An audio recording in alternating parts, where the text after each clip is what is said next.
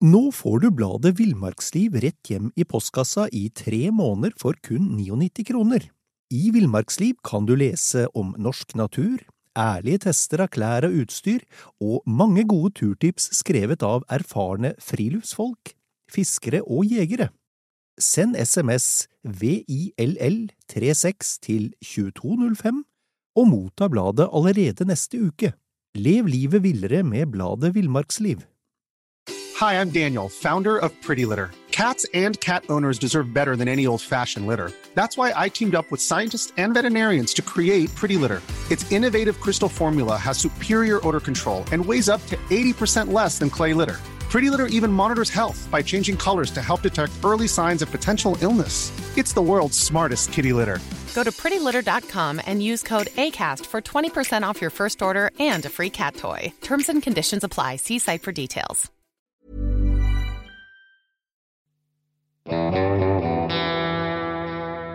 Velkommen til podkasten Villmarksliv. Mitt navn er Knut Brevik, eh, og jeg er redaktør i bladet Villmarksliv, jakt og alt om fiske. Sommeren 2020 blir spesiell. Alle i Norge skal ha norgesferie, og halve Norge skal ut i skog og mark. En som har vært der ute mer enn de fleste, er Marius Nergård Pettersen. Hans siste bok heter 'Sove ute'. Håndbok for netter i sovepose. Det kaller jeg en timing av Guds nåde, Marius.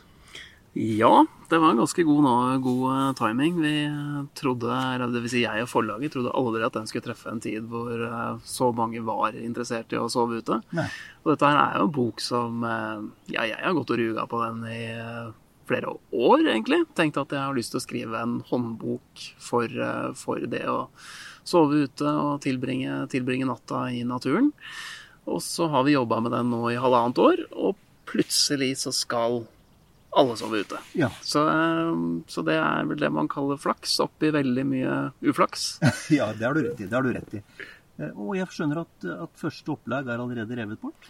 Første opplag ble borte på litt over en uke, og nå er andre opplag eh, ute, og det går, går vel ganske fort det òg, hører jeg fra forlagets side. Så eh, dette her er tydeligvis noe som mange er interessert i akkurat nå. Gøy. Men altså, sove ute, eh, det høres jo tilsynelatende enkelt ut. Ja, og det kan det jo være. Det kan være veldig enkelt. Men du kan si mange som ikke har gjort det før, tenker kanskje at det er ganske komplisert. Eh, og så er det jo også en del situasjoner hvor det å sove ute kan være ganske komplisert. Ja. Så boka prøver på en måte dels å vise at terskelen er lav, og dels å forberede de som ønsker å sove ute, på de situasjonene hvor det ikke er så lav terskel. Sånn som f.eks. i uvær eller i andre situasjoner hvor ting ikke går akkurat sånn som man har trodd eller planlagt. Ja. For nå sitter vi, og det er en junidag, og 20-21 plussgrader. Myggen har ikke engang kommet ennå. Og og det, dette, dette er greie forhold. Dette her er optimale forhold. Dette er letteste tida man kan dra ut i. Nå er vi jo på det vi kan kalle seinvåren, akkurat nå på eh, sentrale Østlandet i hvert fall. Eh, og det er kanskje den letteste tida i året å dra ut. Det er eh, lite insekter, og det er eh, veldig stabile værforhold og varmt. Og akkurat nå er det høytrykk som bare det. Helt, nesten helt blå himmel. Så nå er det jo på en måte dette her er it is it, akkurat tida man skal dra ut på. Nettopp. Og deler av sommerhalvåret, som jo varierer fra, ut fra hvor i landet du er. Eh, noen ganger så er det bare noen sommermåneder. Eh, er jo den letteste tida å dra, dra ut på. Din, eh, din første natt ute. Ja, jeg husker ikke min første natt ute, for jeg begynte veldig liten. Ok. Sammen, sammen, sammen med familien. Eh, vi var en eh, familie som eh, dro mye på tur, og det å være på tur og også det å bo i telt om sommeren og sånn var på en måte et sånt ideal Ja. eh, jeg vokste opp. Så jeg hadde en barndom med veldig mange netter ute. Men det jeg på en måte har kalt min første utenatt i boka, og som var den natta som også endra mye for meg, det var en natt hvor jeg skulle sove ute aleine. Jeg, jeg tror det var den første og sånn ordentlige alene-natta ute. Og det var på vinteren, okay. så det gjorde det litt ekstra utfordrende. Eh, dro ut i skauen eh, ikke så veldig langt fra der vi er nå, i Nordmarka utafor Nittedal. Kløyv opp på en kolle. Og oppdaga at jeg hadde det utrolig fint. Eh, Aleine Ja. på natta. Eh, Skyfla til side snøen, lagde bål. Eh, klarte å sitte der ved bålet og holde varmen gjennom en hel natt. Eh, sov godt. Eh, våkna igjen med sola i ansiktet, og det var fremdeles like fint. Det var en sånn vanvittig mestringsfølelse. Ja. Og dette her var jo i tenåra hvor veldig mange på en måte blei forma og fant andre veier det gikk. Eh, men ut fra den, den natta der, som jeg husker veldig godt, så blei på en måte min sånn helt eh, enormt store friluftsinteresse eh, sådd. Ja.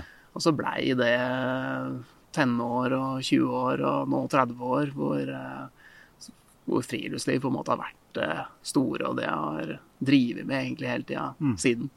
Jobba med og levd av og eh, hatt som hobby og lidenskap samtidig. Så den, den natta der, den var veldig, veldig viktig. Men, men det jeg tenker, Marius, du var jo på en måte preparert for, som du sier, eller forberedt. Altså Dere hadde begynt tidlig. sånn at du var ikke ukjent, du var ikke ukjent med friluftsliv. Nei. Men, men hva vil ditt eh, nå, Som vi har vært inne på, nå er det altså en, en hel generasjon mennesker, som, som kanskje to, som står og venter på å ta, ta marka i bruk. Altså, Hva vil ditt råd være til de som stiller med null eh, bakgrunn, og som nå har ønsker å, å delta i friluftslivet og, og sove ute? Ja, nå må det være å lese boka mi. Ja, naturligvis. Nei da. Men uh, gjerne det også. Men uh, det er jo sånn Det er veldig mye man kan si om det å sove ute. Om, det er liksom en del ting man kanskje skal kunne, eller i hvert fall ha en viss kjennskap til. Eller lære seg av å feile. Eh, men sånn grunnrådet, tenker jeg, det er å legge terskelen lavt. Eh, ikke tenke at man skal dra så langt. Ikke tenke at man skal dra ut i utfordrende forhold nødvendigvis. Altså dra ut i nærområdene dine. I Norge så er vi så heldige at vi har kjempefin natur overalt. Nå er vi i nærheten av en pendleroverstad, rett, nei, pendlerby rett utafor Oslo. Eh, og det er kanskje det du kan peke på som noe av det kjedeligste naturområdet i Norge. Men bare her så er det ordentlig, ordentlig fint. Fantastisk fint. Åpen, fin furuskog og utsikt og eh, lite mulig at det kommer med et fly på lyden akkurat nå, men ellers så er det bare fuglesang og stille her. Ja. Eh, og nest, ja, så godt som alle nordmenn har sånne nærområder som det er veldig lett å, å dra ut i. Så mm, man bør nesten ikke ha et klart turmål engang før man drar ut. Du kan eh, ende opp i en liten lysning i skogen eller i utkanten av en myr eller en, ved et tjern, et vann, hvor du har litt utsikt og kanskje litt, til og med litt ly. Og gjør opplevelsen av å være ute til målet. Ikke, ikke, gjør, ikke, ikke gjør det til et mål å gå langt eller eh, trosse barrierer og sette, sette rekorder. Det handler om å bare være ute i begynnelsen. Ja, for jeg mener det her med å gå langt og dra på lange turer, og, og det, det kan alltids komme sen, senere. Ja, og det kan være en kjempefin motivasjonsfaktor i seg sjøl. Men eh, jeg tenker i begynnelsen, så i hvert fall som et sånt generelt råd, så legg lista lavt og tenk at du heller skal lære å være der ute. Ja. For det er jo litt sånn komplisert, ikke sant. Det, du skal kunne bruke utstyret ditt, du skal forstå litt om hvordan du kler deg. Eh, både når du er i aktivitet og når du ikke er i aktivitet. I soveposen. Du skal Kanskje kommer det en regnbyge i løpet av natta. og eh, ja, stort sett så er det en eller annen form for utfordring, og det må man eh, lære seg å takle. Og så eh, begynne, begynne å kjenne på det i det, i det små. Mm, mm. Ja, for det er et eller annet med det at eh, Boka di er jo glimrende, og jeg har vært gjennom den. eh, forklarer, forklarer jo det meste. Men det er et eller annet med å, å oppleve og erfare kontra det å, å lese. Absolutt. Som eh, Det sitter sterkere, det man selv opplever. Ja, absolutt. Og jeg eh, Hva skal jeg si? Jeg hadde jo vært mye ute eh, når jeg virkelig kicka på dette her. Men etter hvert som jeg da begynte den der stigninga med å dra ut i all slags type vær og lange turer og sånne ting, så var det jo masse jeg ikke kunne. Og jeg antar at det er ganske mye jeg fremdeles har å lære i noen, noen forhold. Eh, ekstremt vintervær, f.eks. Eh, men så lærer man, da. Har litt feil, og forhåpentligvis så går alt bra underveis. Og, eh, og legger man lista lavt, eller ikke øker terskelen så veldig for hver gang man drar ut, så lærer man seg gradvis, og det kommer bra gjennom det. Og så har man etter hvert ganske mye erfaring. Nå, nå, som sagt, Dette her er en fantastisk fin dag, men, men bare for å ha brakt det på det rene, hva er det, hva er det verste været du veit om? Det verste været jeg veit om, det er gjerne sånn eh, Altså, jeg sa jo at høsten og våren også kan være fine dra, måter å dra ut. Altså sein vår, eksempel, er, er en eh, veldig fin tid. Men eh, og når den kommer, avhenger forresten av hvor i landet du er. Det kan godt være vesentlig seinere enn akkurat nå, eh, i nord eller oppe i fjellet. Eh, men våren og høsten kan jo også by på null grader og sludd. Eh, og null grader og sludd, det tror jeg må være det aller verste jeg kan tenke meg. Du blir gjennomvåt, du blir beinkald.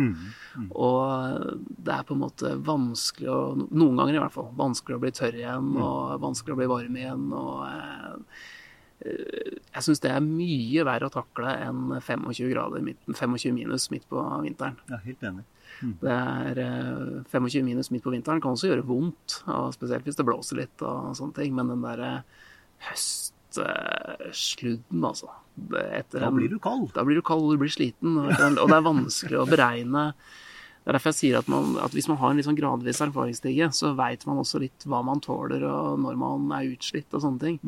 Og for eksempel det å gå i sludd om høsten. Eh, det er vanskelig å beregne når du er ordentlig sliten og må begynne å slå leir, f.eks. Det er også et råd jeg skulle ønske jeg fikk tidligere. Slå leir før du er sliten. Nettopp. Fordi det tar lang tid, og, eh, og spesielt hvis du er kald.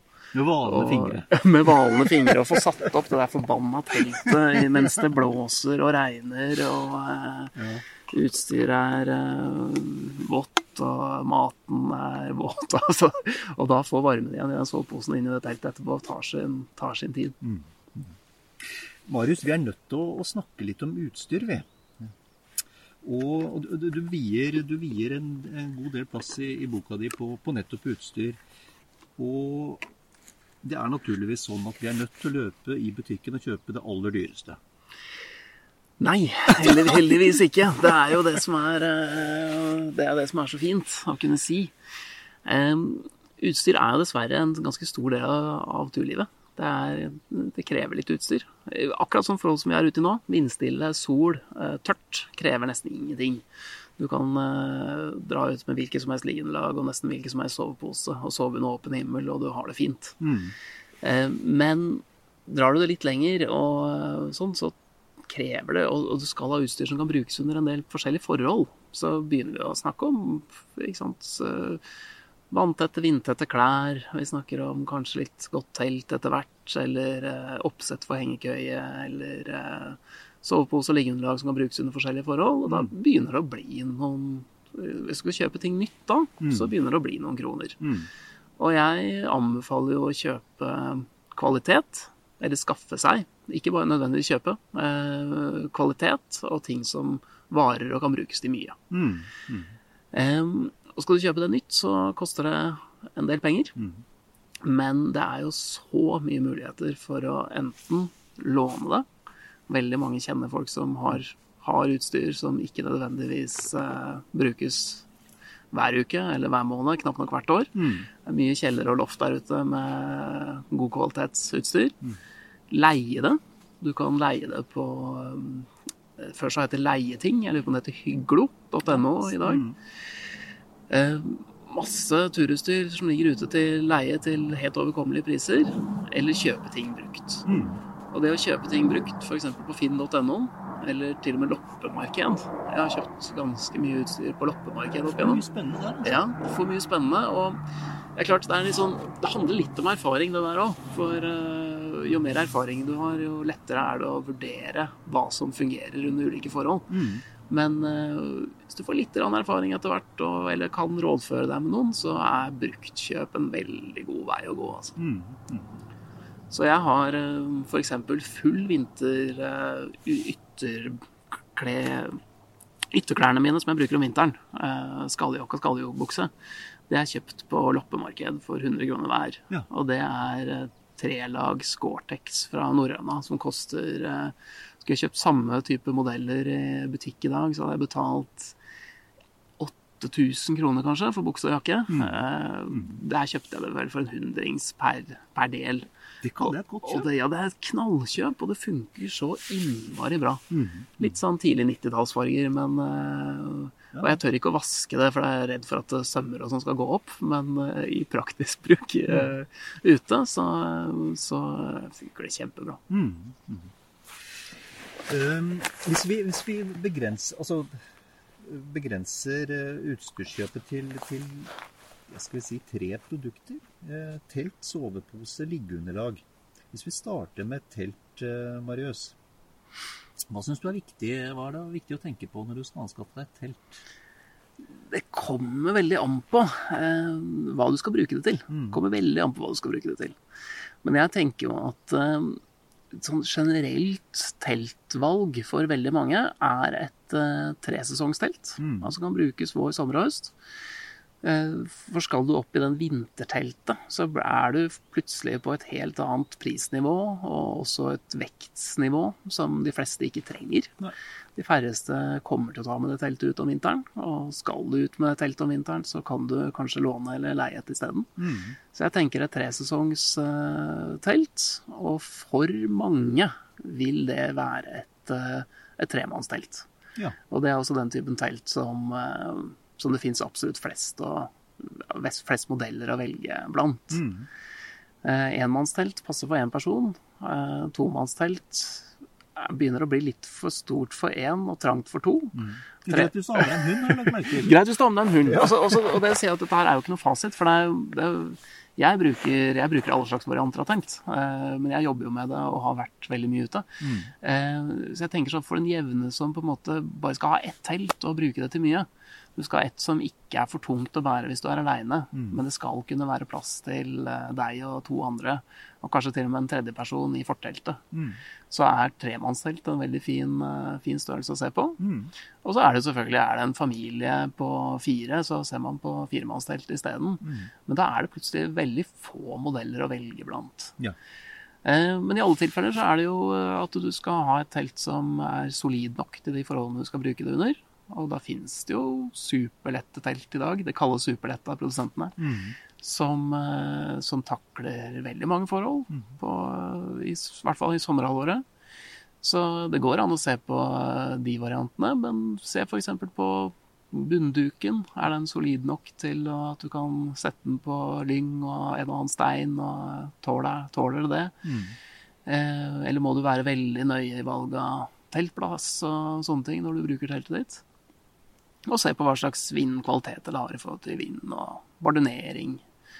Eh, allerede når du begynner å snakke om barduner, så er det jo litt over hodet på noen som ikke har vært på tur før. For det er mange som ikke veit hva barduner er, f.eks. eksempel Men det er jo de da trådene som holder teltet og gjør det mer stabilt i, i vind, i veggene. Og eh, så vær nøye på å velge deg et telt som eh, skal kunne takle det tøffeste av det du har tenkt å ta teltet ut i. Og tenk samtidig over hvor tøffe forhold er det egentlig du kommer til å ta det teltet ut i. Ja. Men skal du på fjellet om sommeren, så trenger du Skal du på fjellet i det hele tatt, egentlig, så trenger du et telt som tåler en del. Og det er jo da et sånt Det man ofte merker som et tresesongstelt. Og så er det vel litt sånn med telt som annet utstyr at eh, du betaler for lett vekt. Du betaler for lett vekt, og du betaler for uh, soliditet. Så um, kan du bære litt, og syns at det er greit å bære litt ha litt på ryggen, så, um, så sparer du litt, litt penger på det. I begynnelsen så gikk jo jeg på tur med faren min sitt gamle tremannstelt, som uh, Jeg husker ikke om det er fra 70- eller 80-tallet, men uh, det veide ordentlig mye. God trening. mye, mye mer enn jeg trengte. Uh, og det Jeg hadde egentlig ikke så mye kunnskap om uh, at det fantes lettere telt. Så uh, jeg brukte bare det jeg hadde. Og eh, har man noe som fungerer, så, og du syns det er greit å bære på det, så vil jeg jo anbefale å bare gjøre det. Men eh, så, du blir sannsynligvis da ansett som tillitsvekkende, for som du skriver i boka di, at stol på folk med brukt turutstyr. Brukt turutstyr tenker jeg at det er, eh, er en god indikator på at eh, folk vet hva de snakker om. Ja, ja. Ser du noen med spiller nytt uh, utstyr i uh, liggeunderlag uten en eneste, en eneste gnisthull eller uh, sekk uten noen som helst form for slitasje, så, Da blinker varsellampene. Så blinker varsellampene. Ja, nå, nå er vi, nå er vi forut, eh, her. OK, telt. Eh, Hva med sovepose, da? Sovepose er eh, litt sånn samme type, samme type råd, egentlig. Eh, Jeg anbefaler som regel folk å kjøpe seg, eller skaffe seg, en, eh, en tresesongspose. Som eh, i, er på samme måte, fungerer til de fleste forhold i, eh, i sommerhalvåret. Og det er jo, I Norge så er sommerhalvåret veldig variert. Så eh, gjerne en pose med komforttemperatur ned mot minus fem grader. Ja. Kanskje til og med enda litt kaldere. Eh, som har mulighet for snøring rundt ansiktet. Det er det viktigste. Altså Ja. at du får en hette som lukker seg rundt hodet. Men gjerne også nakkekrage, som eh, kan lukkes rundt nakken. Så at når det er kaldt, på- det kaldeste den skal tåle, da, som er da Altså at du sover godt i den med en temperatur ned mot rundt minus fem, og kanskje litt kaldere enn det, eh, så snører du den helt igjen. Og så når du skal ut i forhold på 20 plussgrader om eh, sommeren, så har den også da en glidelås. Den bør ha en glidelås som kan åpnes helt i ene, ene siden, så at du kan åpne den fullstendig og bruke den som dyne Ja, når det er, eh, når det er varmt. Så har du på en måte de to elementene, fullstendig gjenlukking og fullstendig åpning, og nok isolasjon til å takle, takle noen kuldegrader, så har du en veldig fleksibel sovepose. Og den kan brukes til eh, overnatting under åpen himmel, eller hengekøye eller telt, eller under en steinheller, eller uh, ulike måter å sove ute på. Eh, syntetisk isolasjon er vel kanskje det man skal anbefale i størst grad til uh, de fleste. Mm. hvorfor det? Fordi alternativet, som da er dun som isolasjon, det har en Altså, dun har i hvert fall et rykte på seg, og det skjer jo også hvis du utsetter det for nok vann, så kollapser duna. Så får du nok regn eller, eh, eller annen form for fuktighet på den, eh, den soveposen, så kan soveposen bli helt ubrukelig, rett og slett. Ja, ja. Og da må du inn i et rom, eller i hvert fall finne et sted hvor du har ordentlig gode tørkeforhold for å få den noenlunde opp og gå igjen. Og med, men med en syntetisk eh, sovepose, syntetisk isolasjon, så, eh, og de fleste soveposer har det, så eh, ja, du unngår ikke den problematikken helt. Hvis den blir søkkvåt, så varmer ikke den kjempegodt heller. Men den varmer fremdeles. eh, har fremdeles isolasjonsverdi. Så, og det kan bruke Du trenger ikke å være så nøye med at den ikke blir våt, f.eks. på tur. Skal du ligge under åpen himmel, eller skal du ligge under en duk, eh, eller andre steder hvor du har trekk på deg, så anbefaler jeg å ha et, eh, sove, et trekk til, soveposetrekk tilgjengelig. Ja. Et vindtett trekk som eh, du kan tre ut av på, og så, um, som stopper mye av varmetapet du får når du ligger med vind. Også veldig fint å ha i hengekøye. Og en annen fordel med syntetiske poser, vi først prater om det, det er jo også at den blir ikke så komprimert under deg. Når du, når du ligger enten spesielt viktig i hengekøye, hvor du får, eh, får utskifting av luft under deg hele tiden, men også når du ligger på, på mot bakken. Og så har jeg skjønt at eh, Eller skjønt, det, det, det finnes jo to fraksjoner her inne når vi snakker om sovepose og ligge ute. Og det er om man holder varmen best ved å ligge på ryggen eller ligge på sida i fosterstilling. Hvilken fraksjon tilhører du? Jeg er litt sånn i, jeg litt sånn i eh, limbo, jeg, der, faktisk. Jeg har, jeg har lært av Randulf Valle, Ja. eh, som jo skriver mye for Villmarksliv, og som er kanskje den eh, personen jeg veit om med størst kunnskap om turutstyr. Eh, at man holder varmen best ved å ligge på siden eh, i fosterstilling. At det er eh, måten man gjør det på. Det kan, det kan nok stemme. Samtidig så syns jeg sjøl at når jeg ligger på ryggen, så, så, opplever jeg det som varmere, og at det varmer over lengre tid. Men det handler kanskje noe om at man varmer opp posen på en annen måte når man ligger på, på ryggen. Altså man sprer varmen på en annen måte. Mm. Men dette her er Jeg har ikke det vitenskapelige svaret på det. Jeg tror ikke det finnes heller. Eh, nei, men uh, hvis noen uh, klarer å ordentlig forske på det en gang, så er jeg veldig interessert i, i svaret. ja. ja, men bra. Bra. Hva med liggeunderlag, da?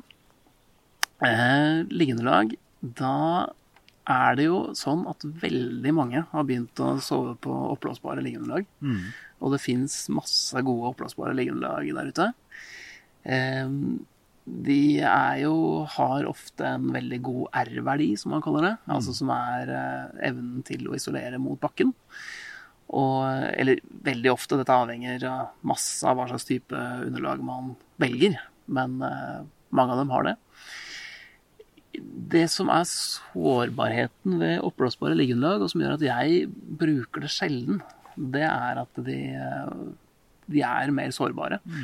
De punkterer lettere mot uh, greiner, steiner. Jeg har fineste underlaget jeg har hatt, det punkterte når jeg lå oppi noe blåbærlyng et sted i Telemark. Uh, og det, på en måte, da tenkte jeg at det nå var ingenting tenkte jeg som tilsa at det underlaget skulle gå i stykker Nei. på den plassen jeg lå. Nei. Og så plutselig midt på natta så våkner jeg av at jeg ligger på bakken. Mm. Uh, og det er sånn som er utrolig kjedelig. Og jeg, jeg, liker også å ha underlag som jeg kan ta nærme bål. Mm. Uh, ikke være redd for det på noen som helst måte. Mm. Så jeg bruker helst et tjukt skumplastunderlag. Altså? Ja. ja. Og det Nå er jo jeg av typen som Altså, jeg sover godt i en steinrøys hvis, uh, hvis det er det jeg har tilgjengelig. Ja. Så jeg er liksom ikke helt objektiv og ikke helt på linje med alle. Kanskje. kanskje. Steinrøys. Du tar steinrøys. jeg kan ta kanskje Svanemadrassen uh, i en del tilfeller. Men, men altså jeg syns at, uh, at, soliditeten og fleksibiliteten i et skumplastunderlag fremdeles er det beste. Mm. Og så hender det at jeg tar med meg et, eh, et lite oppblåsbart underlag. Mm. Eh, du får dem i sånn nesten halvpersonstørrelse. Mm. Som er da lett å ha med seg som et sånt ekstraunderlag. Ja. Og så har jeg det som på en måte fordi oppblåsbare underlag gir deg jo større mulighet til å sove på siden, f.eks. Mm. hvis man er avhengig av det. Eller så, noen vil sove på magen. De sovner bare på magen. Mm. Og har man sånn veldig preferanser, eller har man vondter, f.eks. Mm. Eh, hvis man begynner å bli litt eh, godt voksen, så har man gjerne noe knær eller hofte eller skuldre eller et eller annet som ikke gjør det så godt å mm. ligge i ujevnt eller hardt terreng. Mm. Eh, så er jo oppblåsbare underlag bedre. Mm. Men eh, sånn generelt sett så syns jeg eh, helt vanlig skumplastunderlag er, er bra. Mm. Og gjerne da et som er litt, litt tjukt. Og da, Jeg vet at Ayungelak Nei, nå heter det ikke Ayungelak lenger. Det er mange mange år siden de bytta, men eh, nå heter det Mammut. Ja. De har f.eks. en som heter Bamse Ekstrem, som er en sånn uh, standard Jeg sitter faktisk på det akkurat nå. Og veldig mange produsenter har en sånn type, et sånn type underlag. Mm. Mm. Om vinteren så bruker jeg to oppå hverandre. Ja, smart. Nå får du bladet Villmarksliv rett hjem i postkassa i tre måneder for kun 99 kroner. I Villmarksliv kan du lese om norsk natur, ærlige tester av klær og utstyr, og mange gode turtips skrevet av erfarne friluftsfolk, fiskere og jegere. Send SMS VILL36 til 2205 og motta bladet allerede neste uke. Lev livet villere med bladet Villmarksliv. There's never been a faster or easier way to start your weight loss journey than with PlushCare. PlushCare accepts most insurance plans and gives you online access to board-certified physicians who can prescribe FDA-approved weight loss medications like Wigovi and Zepbound for those who qualify. Take charge of your health and speak with a board certified physician about a weight loss plan that's right for you. Get started today at plushcare.com slash weight loss. That's plushcare.com slash weight loss. plushcare.com slash weight loss. Og så må vi snakke litt om, eh, litt om mat og, og drikke, Marius. Nå har jo jeg tatt med meg kaffe, for jeg, jeg forbereder meg nemlig jeg, når jeg drar på tur. Ja, Du har kanskje ikke mer kaffe? jeg har ikke mer kaffe. Men jeg har en liten, liten vannflaske. Har du det? Vær så god. Tusen, tusen takk. Um, vi må snakke litt om, om mat og drikke på tur. Ja. Hva vil, eh, sånn, For de første, første enkle turene, hva er det viktig å tenke på da? På de første enkle turene så tenker jeg egentlig at det viktigste er å tenke at man skal kose seg. Ja. Uh, Så jeg tenker jo egentlig at uh, du tar med den maten du har lyst på. Eh, Og det kan være om det er fredagstacoen, så gjerne la det være fredagstacoen. Ja. Eh, Men da er det kanskje lurt f.eks. å eh, tenke på hvor man kan spare vekt og volum på den fredagstacoen. At du steker opp det kjøttet du Eller andre ting du skal steke opp hjemme. Får ut fuktigheten før du drar. Det er også mye lettere å varme det opp i skogen eller på fjellet. At du kaster emballasje før du drar hjemmefra. Og at du eh, ja, gjør en del forberedelser eh, før du drar. Ja. Så eh, kan du få med deg ganske komplisert og eh, bra, eh, bra mat. Jeg sier ikke at fredagstaco er det beste man kan spise, men eh, god mat ute, ute i skauen. Eh, også, men hvis du vil spare vekt, så, og det er det viktigste for deg Du skal ha en lett sekk og, og eh, komme deg ut på en mest mulig lett måte, så fins det jo f.eks. frysetørka middagsretter Ja. fra sportsbutikkene. Real turmat eller andre produsenter som lager eh, ting som du, som du får kjøpt i en pose, og du heller kokende vann rett i den posen. Og så eh, ferdig med det, egentlig. Ja. Rør om og spis mat. Mm. Ja, det er uh, veldig enkelt. Ja. Og frokost, altså ta gjerne med brød og eh, pålegg som du ville og spist hjemme. Eller eh, lag deg havregrøt, eksempel, som er en sånn slager med folk som skal, folk som skal gå rangt og bære lettest mulig. Havregrøt bestående av melkepulver og havregryn og, eh, og sukker og litt rosiner. Mm. Jeg har forstått at helmelkspulver ikke er så lett å få tak i lenger. Eh, Men eh, det går f.eks. an å bestille, bestille på nett. Eh, Til og med på en tur. Jeg veit ikke om det går an å eksperimentere med det, eller om det er helt sånn sosialt akseptert, men til og med eksperimentert med sånn spedbarns uh, morsmelkerstatning. Nå er du helt på kanten. Nå er jeg på kanten. Men det inneholder veldig mye næring, og det er veldig lett å lage. Eh, Så, og det, det var på en tur hvor vi skulle sjekke om, det, om dette her hadde noe for seg. Altså. Ja. Men eh, det fins i hvert fall måter å få vekta ned på og få mye næring i lettvekt. Men du, hva, hva tror du egentlig er, eh, er terskelen, altså grunnen til at uh, veldig mange inntil nå har kvia seg for å, for å prøve å overnatte ute? Jeg tror at mange tror det er mer vanskelig enn det egentlig er. Og så er vi jo eh, Vi er jo vant til å se villmarkinger og folk på tur som uh, gjør ganske Ja, drar langt og gjør vanskelige, store ting. Jeg vet ikke om det Jeg tror det også kan føre til at folk drar ut og opplever de nære, nære ting. Men i hvert fall så er det nærfriluftslivet veldig lett tilgjengelig. Og det handler jo om å uh, prøve å få formidla det. Og så er jo folk også, eller en del, da, uh, også skeptiske til ting som i utgangspunktet ikke er vanskelig eller farlig, men som man gjør farlig. Ja. Sånn som mørket eh, og andre ting som på en måte er basert på litt sånn irrasjonell eh, skepsis. Det er spennende at du sier. Ja, for det er, det er, det er ting som er helt rasjonelt eh, Som man skal være rasjonelt skeptisk til. Altså, og da, da snakker jeg om kulde, snakker om eh, vær som kan være skummelt, terreng som kan være skummelt. Altså man, man skal ha ganske dyp respekt for naturen når man beveger seg ut i naturen. Men eh, noen er f.eks. redd for å bli tatt av bjørn. Statistisk sett så er det veldig liten sjanse for å bli tatt av bjørn. Eh, noen er redd for mørket i seg sjøl. Eh, mørket i seg sjøl er jo ikke farlig. Det å bevege seg rundt i skummelt terreng i mørket, det er farlig.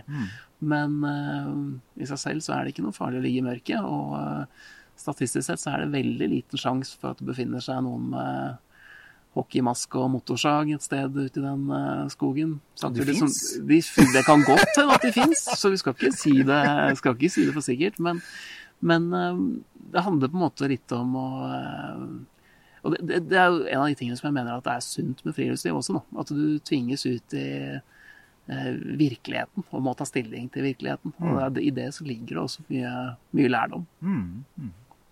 Ja, for det er nok, som du sier, det er nok en del som er redde for, for mørket, for altså og Ofte så tror jeg ikke de har noe bevisst forhold til hva de er redde for. Nei. Og jeg hadde jo en Jeg husker jeg hadde en mørkeredsel sjøl, jeg. Ja, fram til eh, Ja, det var jo fram til jeg var sånn 12-13, kanskje. Ja. Men den ble kurert av en, eh, en setning i Batman. Ok. Det var en sånn eh, bad guy-gjeng, en sånn ninjaorden i Batman, som hadde et slagord som var noe sånt som Ære være mørket, som eh, verner om meg og beskytter meg. Og for en tolvåring den gangen så gikk det opp et sånt eh, et lys i mørket. Eh, og jeg skjønte at hvis du på en måte takler mørket, Mm. så er det du som har overtaket i mørket. Og det høres kanskje veldig banalt og rart ut, men eh, det var en sånn innsikt som var en aha-opplevelse for meg. Altså. Eh, og sånn er det jo hvis du drar ut, er der ute i mørket, og opplever at du etter hvert på en måte har kontroll i det, så har du mye mer kontroll enn andre som eh, måtte være, være der ute. Så du, du får en veldig sånn eh, mestringsfølelse potensielt der også. Mm. Jo, men det, er, eh, det høres jo sånn rent psykologisk riktig ut, det. Du tar Ja. kontroll. Mhm. Gjør det til din venn. Og jeg intervjuer jo også en Det finnes jo mye teknikker for å takle dette her. Jeg intervjuer en psykolog i boka som heter eh, Johanne Refseth. Ja.